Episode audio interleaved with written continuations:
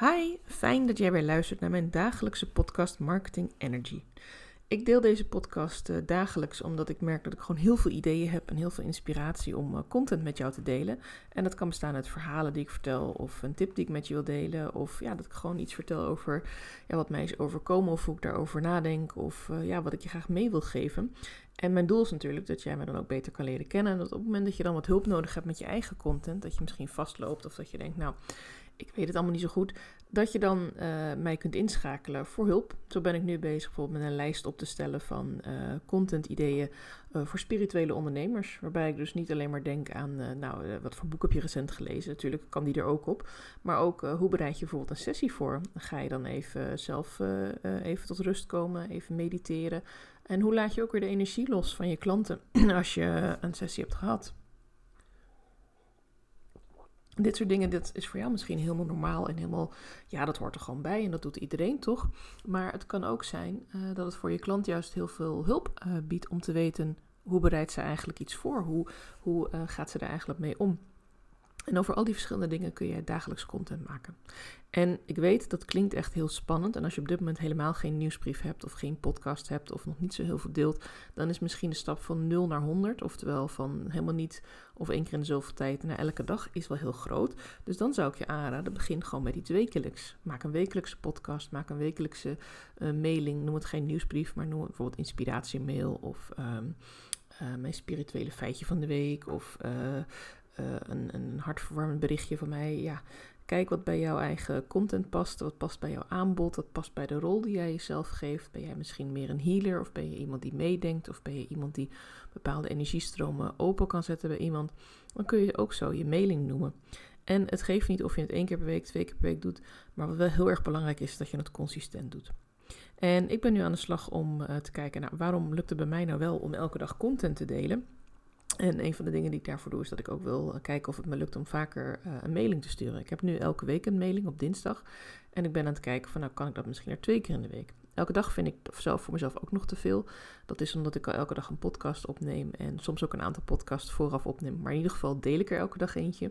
En uh, ja, daar heb ik op zich genoeg content en ideeën voor. En dan kan je zeggen, ja, die kun je natuurlijk ook in een mail omzetten. En misschien ga ik dat ook wel een tijdje doen. Ik uh, ben er gewoon een beetje mee aan het brainstormen aan het kijken. En ondertussen maak ik ook weer uh, ja, ideetjes, stel ik weer op voor een nieuw aanbod voor jou. Waaronder een hele leuke masterclass die ik aan het opstellen ben. Die ga ik in eind juni geven in de laatste week. Op dinsdag 27 en donderdag 29 juni geef ik een masterclass over het delen van dagelijks content. Ook als je niet van plan bent om iets dagelijks te gaan delen, dus als je geen dagelijks mailtje wil sturen naar je klanten, kun je nog steeds aanhaken. Want het gaat vooral over, ja, waar haal ik mijn inspiratie vandaan? Uh, hoe kan ik regelmatig in beeld komen bij mijn klanten? Wat deel ik wel, wat deel ik niet? Uh, wanneer deel ik een call to action? Wat voor call to action kan ik delen? Ik heb misschien nog niet zo concreet aanbod, of misschien is mijn aanbod maar één ding. Misschien dat ik alleen maar bij mij op de praktijk uh, uh, uurtjes aanbied dat ik met mensen bijvoorbeeld massage doe, of dat ik met ze in gesprek ga, of dat ik een healing geef, of een meditatie doe, of dat we reiki uitvoeren. Nou ja, dat geeft niet dat het dan één aanbod is. Dan kun je bijvoorbeeld ook een vrijblijvend gesprek uh, doen, of je kunt bijvoorbeeld een e-book opstellen of een aantal oefeningen voor thuis. Of misschien wil je wel een meditatie opnemen als podcast of als video.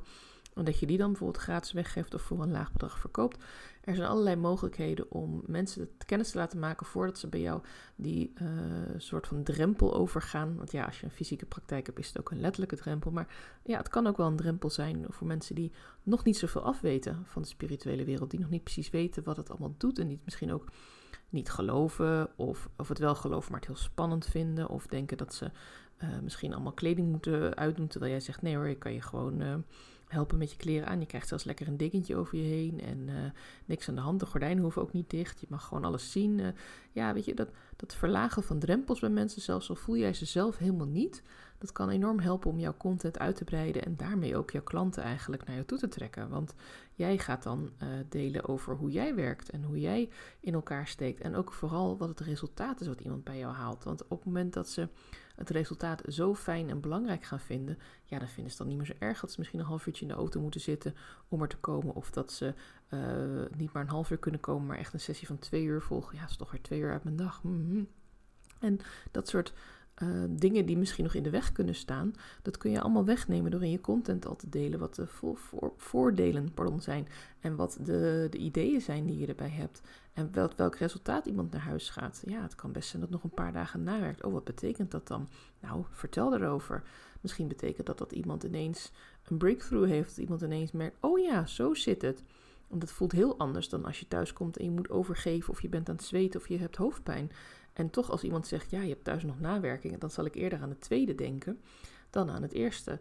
Terwijl het eerste eigenlijk vrij positief is, dat je nog langer ermee bezig bent of dat je lekkerder gaat slapen. Of weet je, door mensen te informeren en niet alleen maar in wolkentaal of vaagtaal te bespreken, ja, je kan thuis nog na-effecten hebben.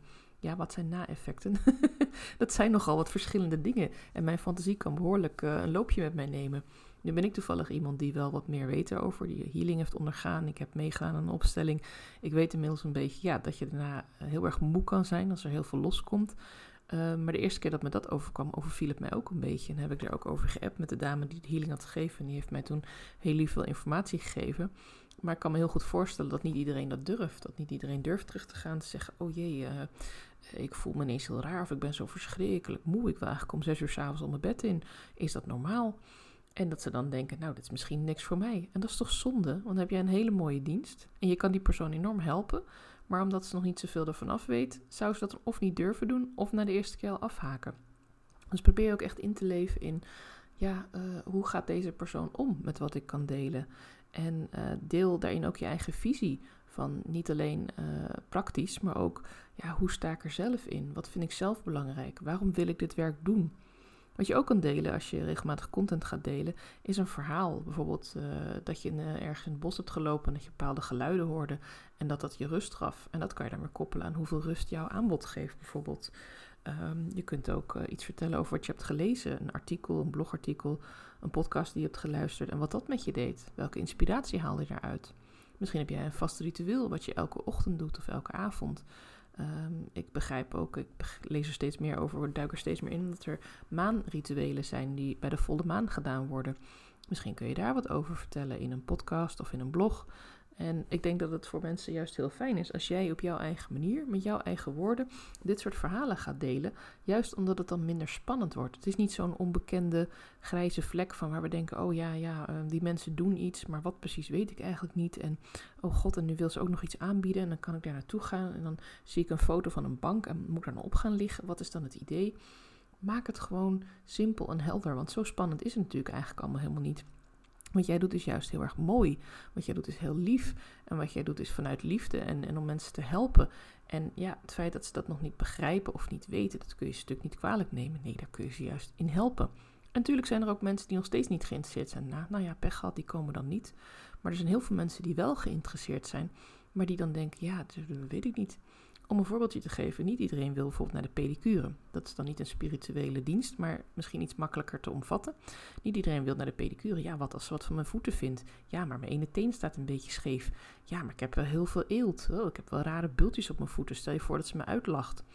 Heel veel dingen die een pedicure eigenlijk dagelijks ziet, waar ze ook opleiding voor heeft gehad. Een heleboel pedicure mensen die dit geven hebben bijvoorbeeld ook opleidingen gehad om mensen met suikerziekte te helpen. Ik, ik, weet daar dan niet zo super veel van, maar ik weet wel dat ik het wel eens zie op zo'n website staan. Dat ze daar uh, mensen helpen omdat die bepaalde klachten hebben en dan kunnen ze ook mee helpen. Heel veel dingen hebben ze al gezien, heel veel dingen hebben ze in opleiding gezien. Uh, de meeste pedicure hebben gewoon heel veel klanten en die, ja, die lopen ook wel eens een wondje op. Of die hebben ook wel eens een keer ergens een, een eeltvlekje of een, ik weet niet wat hoe het allemaal heet. Maar snap je? Dus het, het schaamtegevoel uh, van het nog niet weten, kan soms iemand heel erg tegenhouden om met jou je aanbod aan te pakken. Om bij jou in de praktijk op bezoek te komen en gewoon vragen te durven stellen. Heel veel mensen durven dat niet, maar ze willen het wel heel graag weten. En stel nou voor dat als jij op een hele laagdrempelige manier, bijvoorbeeld door je Instagram content of LinkedIn content of Facebook of in een podcast of in een nieuwsbrief aan je, aan je klanten of aan toekomstige klanten, dat jij daar wat over kunt vertellen. Dat jij gewoon die drempel wat lager kunt maken, waardoor mensen ook zeggen: hey, ja, misschien is het toch wel wat voor mij. Het klinkt toch eigenlijk wel heel erg goed. Ja, en ik vond het eerst een beetje spannend. En nou, misschien durf ik dat dan ook wel tegen haar te zeggen. Dat ik het eigenlijk wel spannend vind. En dan kun jij zeggen, nou, dat is helemaal logisch, want we kennen elkaar nog helemaal niet. Laten we eerst even rustig een gesprekje hebben met een kopje thee. Oh, dat vind ik eigenlijk wel fijn. Snap je? Dus dan, dan heb je het nog niet eens over dat een klant volledig moet meegaan in een, of mag meegaan in jouw aanbod. Maar ze mag je wel beter leren kennen. En beter leren kennen zorgt er dan echt wel voor dat de mensen die ook echt met jou samen willen werken, die ook echt geloven dat jouw aanbod iets voor hen kan doen, omdat jij dat zelf ook uitstraalt, omdat jij dat meegeeft, ja, die worden dan klant bij jou. En als je dat dan ook nog tijdens het gesprek en na het gesprek blijft uitleggen wat je doet, blijft vertellen erover, vragen blijft beantwoorden, misschien ook al een aantal vragen die je hebt gehad alvast gaat beantwoorden voordat iemand het zelf aan je stelt, omdat zij het toch nog spannend vindt, dan zul je merken dat deze klant ook erbij terugkomt. Want dan voelt deze klant zich ook vertrouwd bij jou en dan kun je die klant vaker gaan helpen. En dat is toch hartstikke fijn dat je niet steeds op zoek hoeft naar nieuwe klanten.